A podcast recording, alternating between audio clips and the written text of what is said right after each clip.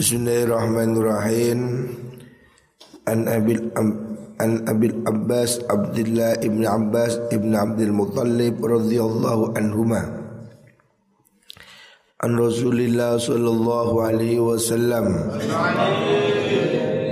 Fima yarwi an rabbih An Abil Abbas dan riwayatakan saking sahabat Abil Abbas Abdullah ibn Abbas ibn Abdul Muttalib radhiyallahu anhuma. Dan riwayatkan an Rasulillah sallallahu alaihi wasallam. Saking Rasulullah sallallahu alaihi wasallam. Artinya ini hadis diriwayatkan tapi dari Nabi. Tetapi Nabi mendapatkannya langsung dari Allah jadi wahyu ada yang wahyu itu Al-Quran Ada yang wahyu itu berupa hadis Qudsi. Fima in dalam berkoro yarwi kang riwayataken sopo kanjeng Nabi Androbihi sangking pengerani kanjeng Nabi. Ya. Jadi redaksinya ini dari kanjeng Nabi yang diterima langsung dari Gusti Allah Namanya hadis Qudsi. Qala dawu Nabi Qala dawu sopa Allah Ta'ala. Inna Allah sunni Allah Iku kataba. Nulis sopa Allah.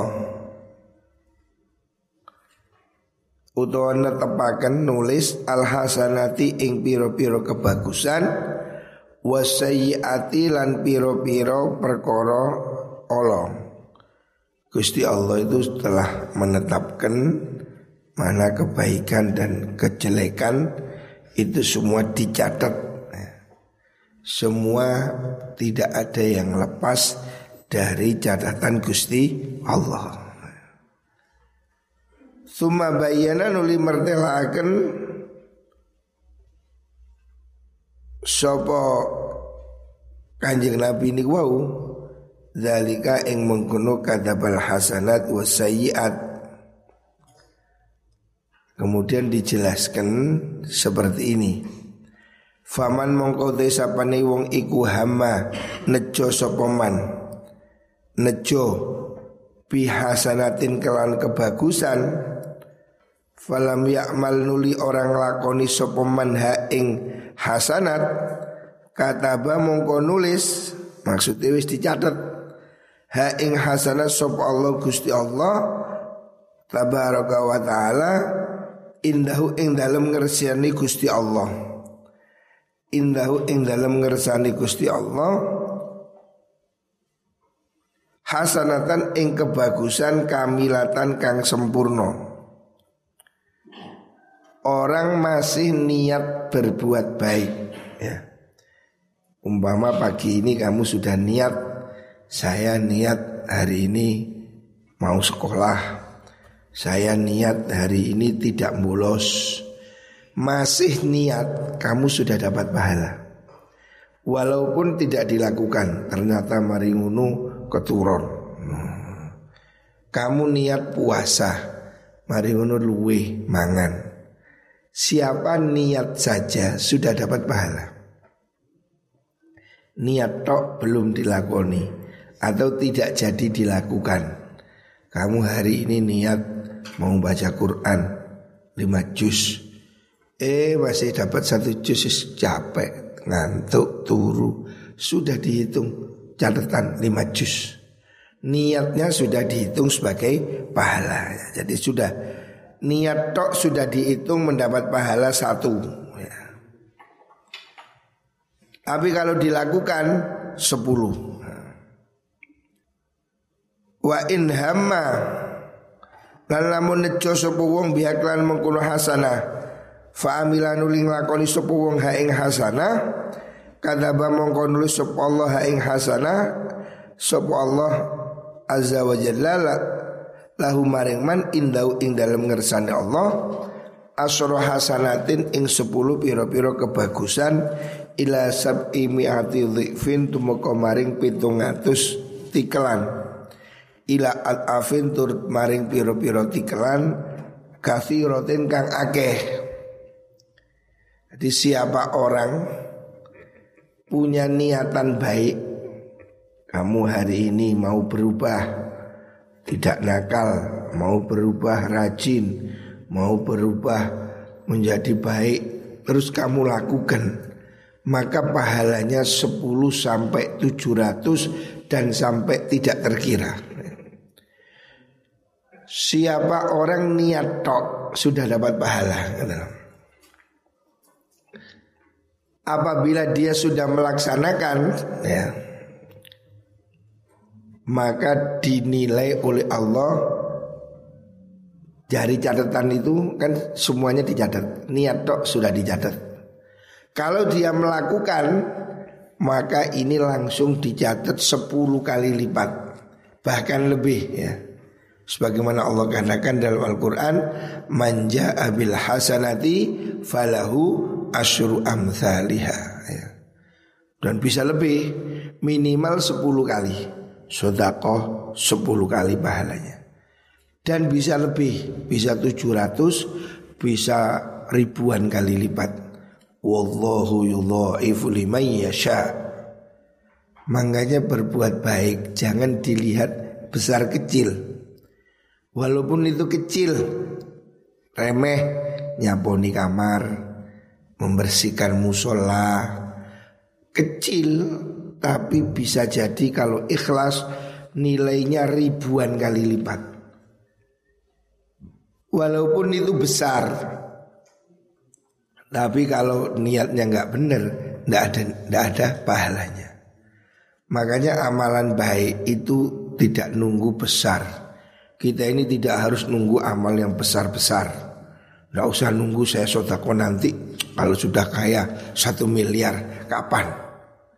Wis ojo ini sak miliar Sewu rongewu ya Seribu dua ribu lakukan sekarang Jangan nunggu besar ya Berbuat baik itu tidak harus menunggu besar Saya mau bangun masjid kegeden Yang ada apa?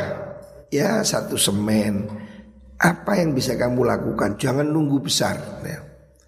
Sebab amalan itu tidak harus dinilai besar kecil.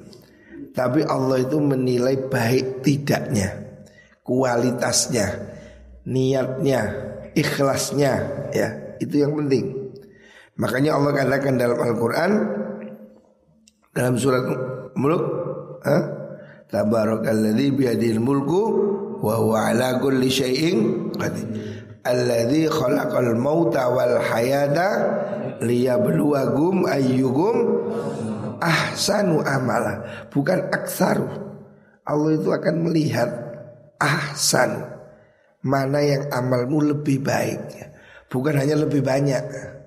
Orang amalan banyak tapi tidak ikhlas, riak, tidak ada nilai. Jadi yang dinilai Allah itu baiknya. Makanya kelihatannya remeh di pondok ini seperti roan. Roan kelihatannya apa remeh, tapi itu pahalanya besar. Kebersihan, pahalanya kebersihan itu juga besar. Ya, jangan kamu remehkan perbuatan baik. Dan jangan kamu tunda-tunda kalau ada kesempatan berbuat baik, lakukan. jangan jangan nunggu besar. Jadi kita ini jangan menunggu wah saya nanti kalau sudah jadi bupati, kalau saya sudah jadi konglomerat kapan? Kesuwen. Kita tidak semua punya kesempatan melakukan hal-hal besar. Ya kalau bupati mungkin bisa melakukan yang besar Tapi tidak semua orang bisa menjadi bupati Jadi kamu tidak nunggu bupati. Nunggu apa? Tidak ada gunanya. Lakukan sekarang Apa yang bisa kamu lakukan. Kalau kamu mau bangun masjid Kapan? Suwe. Saya nanti kalau kaya Ya lek suki Sujuk kakek ngenteni Saiki loh Untuk bangunan masjid. Wis kalau kamu tidak bisa nyumbang uang, nyumbang tenaga. Itu bersihkan apa yang bisa dilakukan. Sekarang kita ini bikin asrama, kalau tidak bisa nyumbang uang, nyumbang tenaga. Minimal nyumbang ngomong sengapi, ojo ngurusui. Ya. Ini bisa kita lakukan sekarang. Tidak perlu menunggu besar, lakukan semua sekarang semampunya. Itu sudah dinilai berlipat ganda oleh Gusti Allah. Wa in hamala munejo sapa wong bisa yatin kelawan penggawe Allah. Kalau orang itu niat ber, berbuat jelek falam ya'mal hanuli orang lakoni sapa man ha ing sayyi'ah kata ba mongko nulis ha ing sayyi'ah sapa Allah Allah indau ing dalam ngersane Allah hasanatan ing kebagusan kamilatan kang sempurna. Ya Allah akan menilai mencatat kalau kamu tidak jadi berbuat jelek itu dapat pahala yang kamilah sempurna bukan sekedar pahala ya. hasanatan kamilah ada kata-kata kamilah ya. artinya pahalanya full kalau kamu hari ini niat mau bolos Terus kamu batalkan Gak wis Gak situ bolos Maka kamu dapat pahala Jadi tidak Meneruskan rencana jelek. Rencana hari ini mau Apa? Kejahatan. Itu mencuri Atau Ke mana kamu yang berbuat maksiat? Batalkan.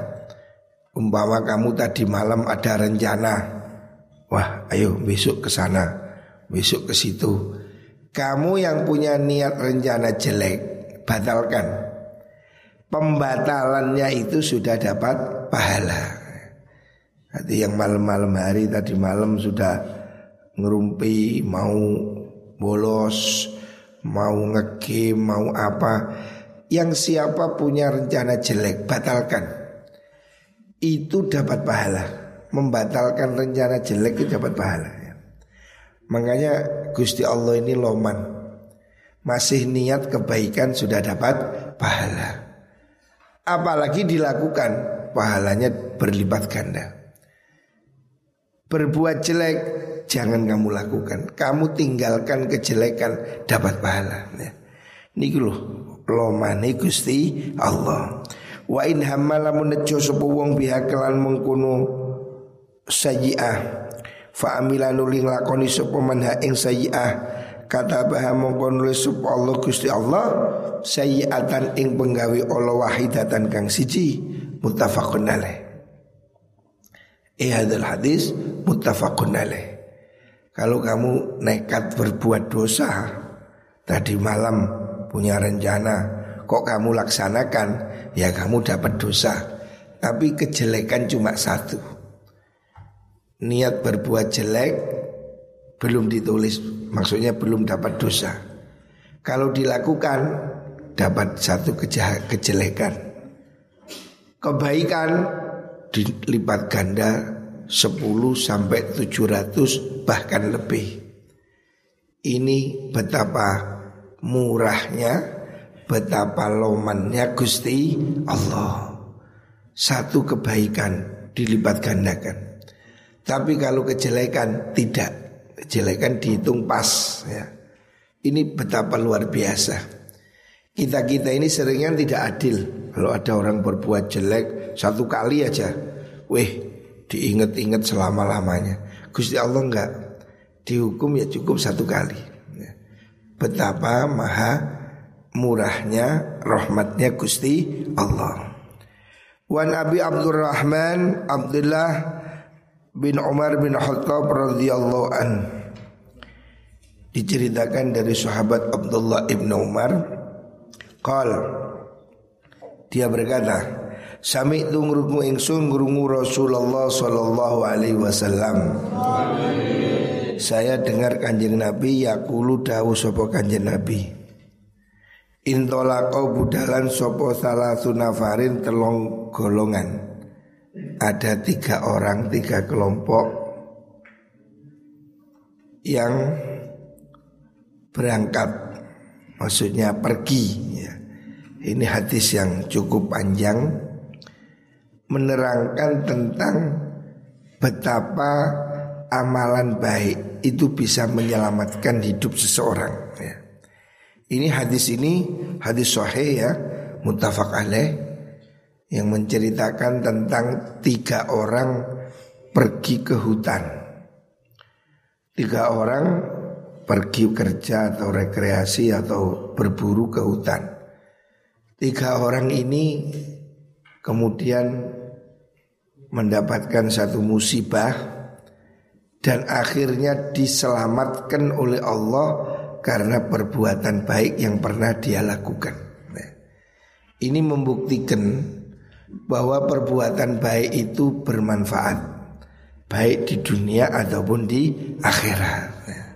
Ini hadis hadis sahih yang akan kita bacakan ini tentang betapa pentingnya orang berbuat baik dan tawasul tawasul lantaran membuat lantaran kalau bahasa kita tawasul. Tawasul dengan kebaikan itu bisa ya. Makanya kita ini tawasul. Kamu umpamanya Ah saya ini kepingin ngajinya lancar Maka kamu berbuat baik. Niat diniati Saya setiap pagi nyapu halaman. Niat saya dengan nyapu halaman Muku-muku hati saya dibersihkan oleh Allah. Nah ini namanya tawasul dengan amal.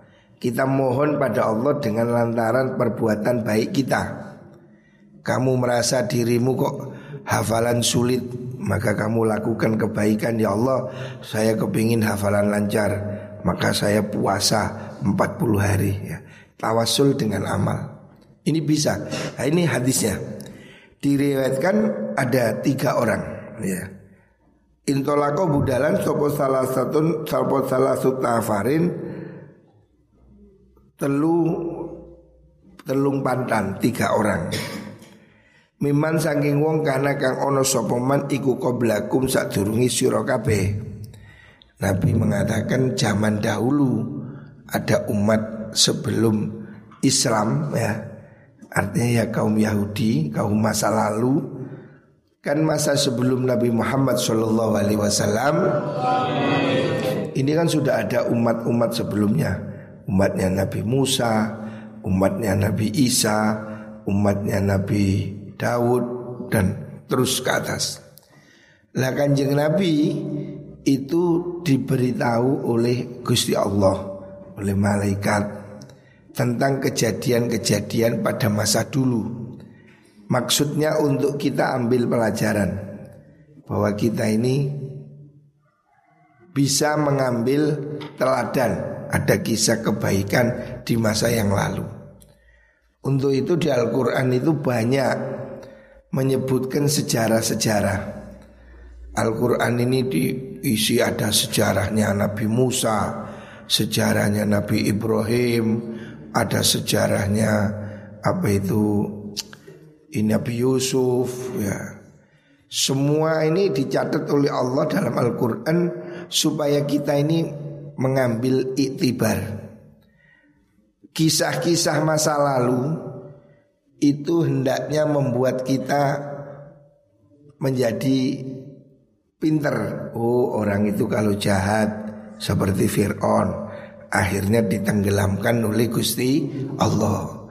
Oh, orang itu yang baik Nabi Yusuf walaupun di penjara tetap dimuliakan menjadi raja oleh Gusti Allah.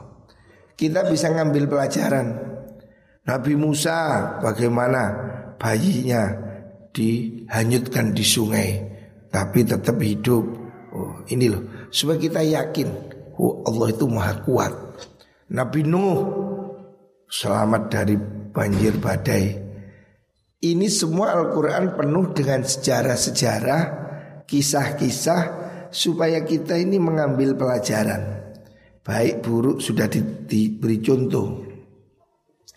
Ada juga yang kisah-kisah itu oleh Allah disebutkan dalam Al-Quran ya, Supaya kita ini mengambil pelajaran Contoh ini dalam Al-Quran atau dalam hadis. Ya. Ada yang dalam Al-Quran, ada yang di dalam hadis. Supaya kita mengambil pelajaran. Ini Nabi mencontohkan ada tiga orang pergi ke hutan. Ya. Hatta awahum sehingga ngungsiakan hum ing mengkunu salasa Opo almabi tunginep ila gharin maring guo Ada tiga orang pergi Terus di hutan dia terpaksa nginap di dalam gua. Fadakhaluhu mongkom lebu sopo mengkuno mengkuno Salasa hu ingghar Terus dia masuk ke dalam gua itu. Jadi ini kisah yang terjadi betul-betul. Kanjeng Nabi menceritakan pada kita ada orang masuk gua, nginep di gua, lah di situlah terjadi kejadian aneh. Farhadarot nuling gelundung opo sohrotun watu gede ya. minal jabali saking gunung fasadat mongko nutup apa sokhroh alihim ing atase mengkono salasah al ghara ing Ini ada kejadian yang luar biasa. Kalau tidak diceritakan oleh Allah, kita tidak tahu. Ini bukan fiksi, ini bukan novel, ini cerita nyata ya. Bukan karangan. Kanjeng Nabi tidak ngarang. Kanjeng Nabi mendapat wahyu diceritakan. Jadi ada kejadian pada masa itu tiga orang pergi ke perjalanan jauh, akhirnya mereka nginep di gua. Lah ketika mereka nginep di gua, ada kejadian yang di luar dugaan. Di dalam gua tiba-tiba ada batu besar dari atas gelundung nutupi pintu gua. Bayangkan orang di dalam gua ada batu gede sak kapal runtuh blek. Ya, sudah secara akal tamat. Zaman itu tidak ada eskalator apa? Eskavator. Tidak ada bulldozer. Tidak ada handphone. Bayangkan ada orang terjebak di dalam gua Ini loh contoh keajaiban. Kamu harus percaya keajaiban. Kalau kamu percaya keajaiban, hidup ini banyak keajaibannya. Ada miracle, keajaiban. Hidup kita ini kalau akal tok, tidak nutut ya. Ada keajaiban-keajaiban. Ini contoh Rasulullah Wasallam mencontohkan keajaiban orang di dalam gua pada zaman itu ya ribuan tahun yang lalu. Ada orang tiga masuk gua nginep. Mungkin itu hujan deras, ada longsor, batu dari gunung jatuh, black Ini orang ini sudah dikubur sudah. Gua ditutup batu, selesai. Tidak ada yang bisa menyelamatkan. Kalau hari ini mungkin masih bisa di bulldozer, eskavator. Kan kalau terjadi longsor itu ngeri lah. Kemarin di Nganjuk ada longsor 20 orang hilang. Jadi mengerikan. Lalu bayangkan ribuan kibik tanah langsung ambles brek. Kata Melayu Nandi, orang tertimbun tanah. Dan itu sulit diselamatkan Karena nyawa orang keblekan waktu ya Ya penyet Kasus-kasus longsor ini kurban mesti banyak Karena sulit menghindar tidak bisa Itu kejadiannya sangat cepat Brek gitu Lah ini sudah pernah kejadian ya Keajaiban Pada zaman sebelum kita Diceritakan oleh Nabi ada orang terjebak di dalam gua. Menurut akal biasa orang ini tidak mungkin selamat. Ung dia nginep di dalam gua, batu gede jatuh, longsor, brek. Ada watu. Di Arab kamu tahu watu itu gunung itu batu. Kalau di Indonesia kan gunung ini tanah. Kalau di Arab gunung wis batu wungkul wis wis betul betul batu. Jadi kalau ada batu gelundung ya wis watu tenan, atos. Lah, ini kejadian ajaib. Ada orang yang sudah terjebak di dalam gua tertutup batu tapi bisa diselamatkan oleh Allah. Bagaimana ini caranya? Nah ini keajaiban. Kamu harus percaya keajaiban bahwa Allah itu maha kuasa. Kalau kamu percaya keajaiban, hidup ini banyak keajaiban. Makanya kamu dekatkan diri pada Allah. Sesuatu yang sulit menjadi mudah. Tidak ada yang sulit bagi Gusti Allah. Sudahlah, keajaiban hidup ini banyak. Ada orang yang sudah sakit keras bisa sembuh. Ada orang kecelakaan. Dulu saya ada teman kecelakaan, mobilnya hancur, orangnya hidup. Ajaib, ya itulah keajaiban.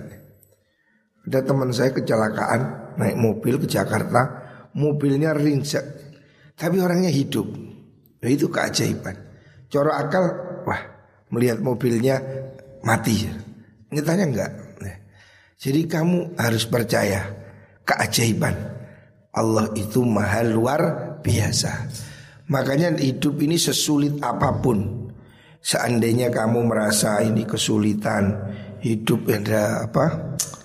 rintangan. Jangan kamu kecil hati bahwa Allah itu maha kuat. Ini Kanjeng Nabi mencontohkan dalam hadis ini tiga orang terjebak di gua di mana dia ditutup oleh batu besar. Tidak mungkin selamat secara akal. Tetapi kenyataannya dia diselamatkan oleh Allah dengan keajaibannya. Jadi keajaiban Allah itu ada.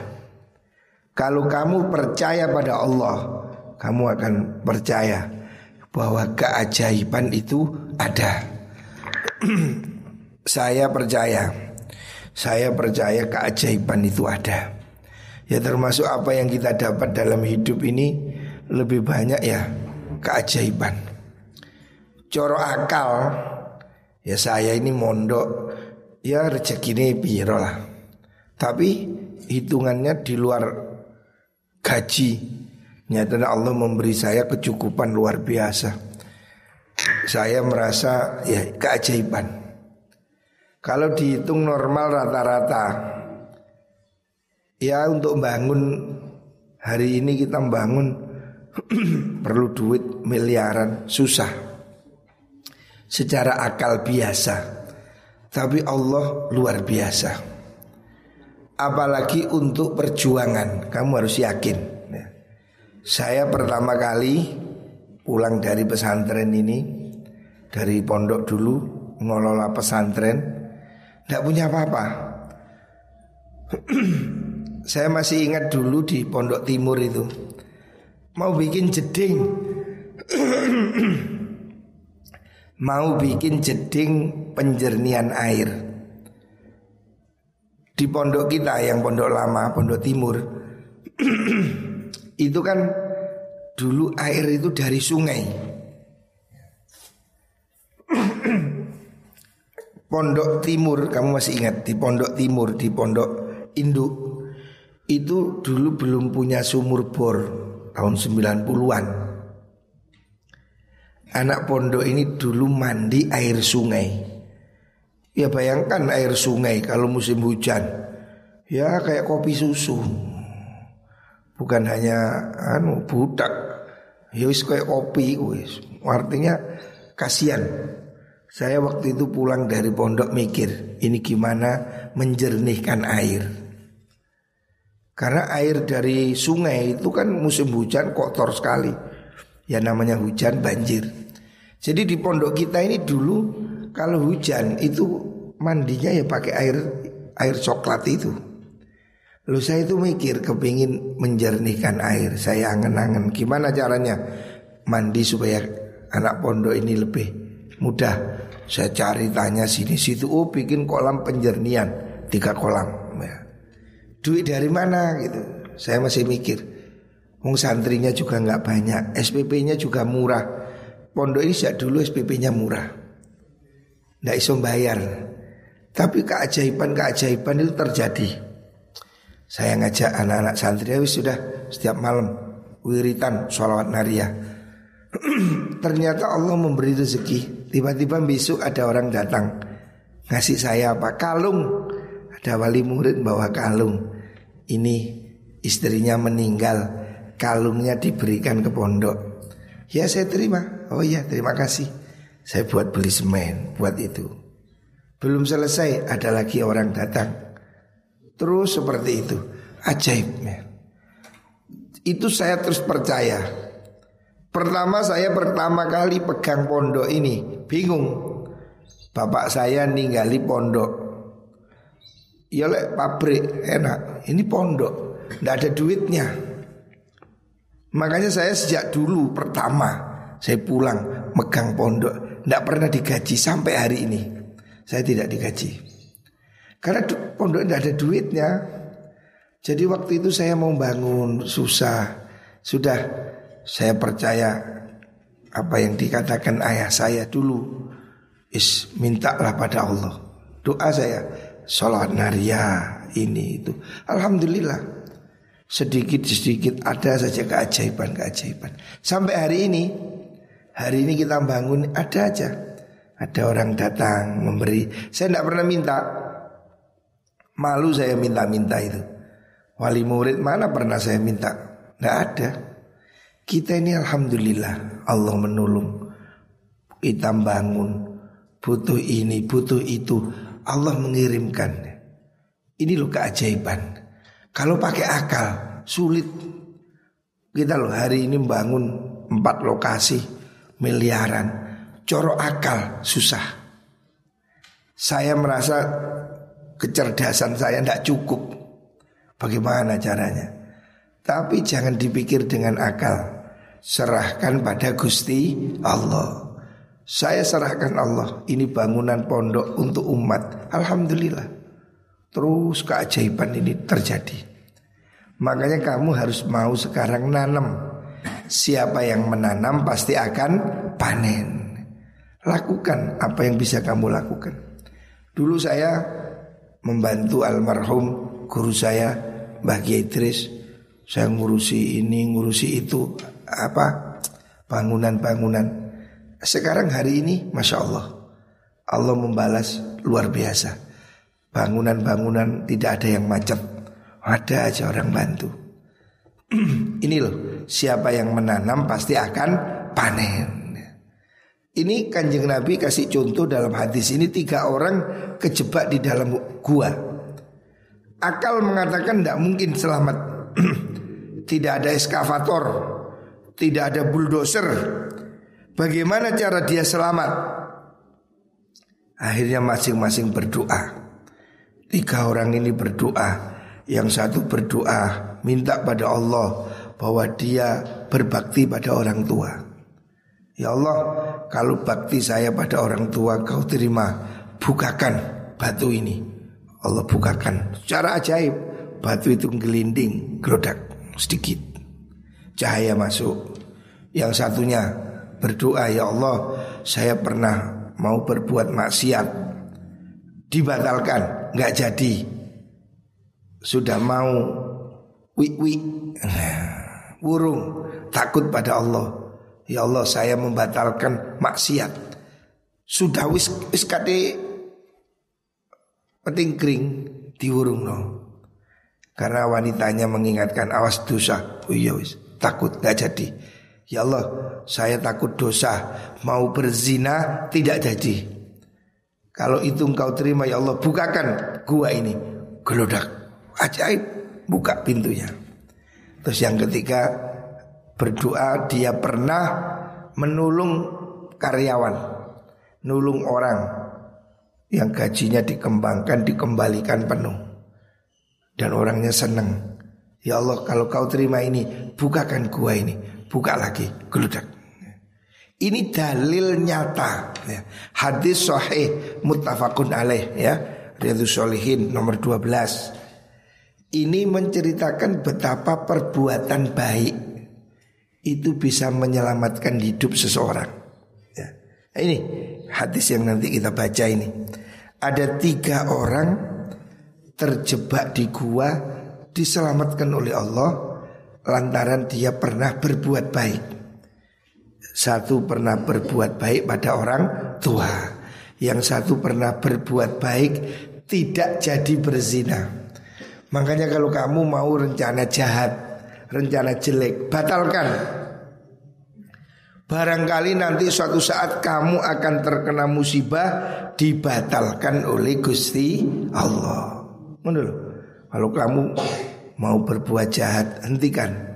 Ini contoh orang itu ada dulu mau berzina, sudah hampir transaksi sudah oke, perempuannya terpaksa, sudah hampir cara saiki wis nyopot sual, wis nyopot sempak. Nah, wis kurang sadil dia batalkan. Karena wanitanya mengingatkan, takutlah kau pada Allah. Langsung dia gemeter, iya ini dosa. Langsung dibatalkan, nggak jadi berzina. Lu itu membatalkan maksiat itu membuat dia selamat. Ketika di gua itu dia mohon pada Allah, ya Allah, dulu saya pernah mau berzina. Sudah kurang wis wis wis Tugu Monas sudah berdiri tegak. Wah. Dibatalkan. Saya takut padamu ya Allah, zina itu dosa. Langsung nggak jadi. Loh, pembatalan dosa itu membuat dia selamat. Ya Allah kalau kau terima itu bukakan pintu ini, batu ini, buka sedikit, geledek. Oh. Jadi keajaiban terjadi. Kamu harus percaya ini hadis sahih. Ini dawuhnya kanjeng Nabi bukan cerita, bukan fiktif, bukan dongeng ya. Ini fakta. Kamu harus yakin dawuhnya kanjeng Nabi itu pasti benar. Jangan sekali-kali kamu merasa ah Nabi ngarang kafir kamu. Berarti kamu tidak percaya pada kanjeng Nabi. Harus percaya. Jangan ada kamu meledek ah paling Nabi ngarang. Wah bahaya kamu. Berarti kamu tertawakan Gusti Allah. Sebab Nabi itu tidak pernah berbicara dengan nafsu. Wa ma yantiku anil hawa. Nabi itu tidak pernah ngomong sakar PDW Semua yang didaukan itu In huwa illa wahyun yuha. Jadi seperti ini Nabi menceritakan kejadian ini. Ini kejadian pasti benar ya. Yakin. Kamu harus yakin ya. Ini loh Perbuatan baik menyelamatkan orang. Jadi ada tiga orang terjebak di gua Terus berdoa dengan lantaran tawasul kebaikan yang pernah dia lakukan. Walaupun batunya itu gede, coro akal tidak mungkin didorong. Tapi keajaiban terjadi. Tiga orang yang terjebak di gua itu dibukakan oleh Allah. Batu yang besar itu digelindingkan oleh Allah. Ini namanya keajaiban ya. Tidak ada yang mustahil bagi Gusti Allah. Tidak ada yang mustahil. Kalau kamu yakin, pasti Allah itu punya malaikat. Allah itu punya malaikat. Allah itu punya makhluk-makhluk yang tidak tampak. Kalau kita minta tolong Allah, Allah tinggal nyuruh malaikat.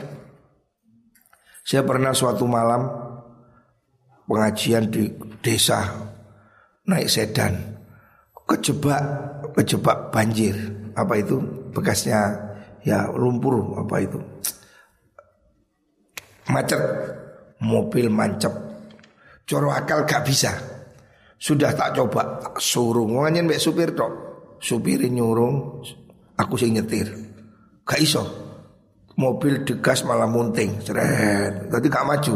Degas mobil kan penggerak belakang munting seret katanya belum jurang. Loh yo apa ya? Coba lagi ndak bisa sudah Ganti supirnya saya suruh naik tak suruh. Terus aku mari pengajian serbanan saya kayak nyurung motor. Gak kuat, uh, motornya tambah miring mana ceret. Waduh ini kok kecemplung mari. keajaiban. Saya percaya keajaiban pasti terjadi. Allah Maha Kuasa. Setelah berusaha keras nggak bisa, sudah supir saya panggil ini turun duduk kita berdoa. Saya bilang ini akal sudah tidak mampu. Allah mampu. Sudah saya duduk, eh duduk baca fatihah, baca fatihah, baca tawasul, baca anu. Sudah, ayo kita coba lagi. Supirnya itu kan lebih kecil dari saya. Es kau numpak oh, aku sing nyuruh. Ya. Saya dorong Bismillahirrahmanirrahim. Lah kok motor seperti mumbul. Wut mencolot mobilnya. Wung aku jelungup. Puas. Waduh. Ajaib ini. Padahal mobil sudah mancap. Ajaib. Bisa. Kalau kamu percaya, bisa. Keajaiban itu pasti ada. Dan saya berkali-kali itu mengalami. Kapan hari tahun tiga tahun yang lalu mungkin saya mau pergi ke Lumajang malam hari jam 11 malam di piket nol atas sana. Saya bawa mobil kecil jatuh dari jalan raya. Kerodak untung nggak guling, miring begini, nggak bisa jalan. Satu ban di aspal, satunya di bawah begini, miring seperti ini, nggak bisa jalan mobil ini. Melakukan isong ban di situ roto. Wah, untung nggak guling ke jurang. Malam hari hujan, tidak ada orang, sinyal handphone tidak ada. Sudah saya pikir kak iso mobil-mobil liwat tak awi kan sing gelem. Ya mau tengah malam. Tapi saya percaya keajaiban. Itu membuat saya yakin sekali. Waktu itu saya sama istri saya almarhumah. Saya bilang sudah satu supir saya berdua. Itu mau takziah tengah malam. Saya bilang sudah kita percaya keajaiban. Mudun saya, eh mikir baca fatihah berdoa. Keajaiban itu ada. Itu tengah malam, waktu tidak bisa saya telepon tidak ada sinyal. Eh sudah kita berdoa, saya berdiri. Ya lihat-lihat begini, tiba-tiba ada mobil lewat. Eh ternyata keluarga saya lewat, kaget lihat, loh siapa? Berhenti mundur. Wah ternyata itu isi beberapa orang kenal sama saya, langsung dibantu, diusung mobil diangkat, eh jalan lagi. Itu loh keajaiban. Cora akal nginep bisa. Wah, tengah malam wong diawe kalau sing gelem wedi. Tapi yang keajaiban terjadi. Allah mengirim mobil di belakang saya, seret. Orangnya kenal saya. Mobil jeep isinya enam orang, mudun semua, langsung bantu, diangkat, selesai. Jadi kalau kamu percaya keajaiban, keajaiban itu ada. Ya. Hidup kita ini banyak keajaiban-keajaiban. Yang bisa hanyalah Gusti Allah. Kalau kamu gak percaya Gusti Allah ya gak ono sing ajaib. Sopo? Demit tuyul gak iso ya. Yang bisa menolong hanyalah Gusti Allah. Itu pasti terjadi ya. Jadi kalau kamu mengharapkan pertolongan Allah, ya mendekatlah pada Gusti Allah ya. Nanti kita teruskan Muka-muka semua ditulungi oleh Gusti Allah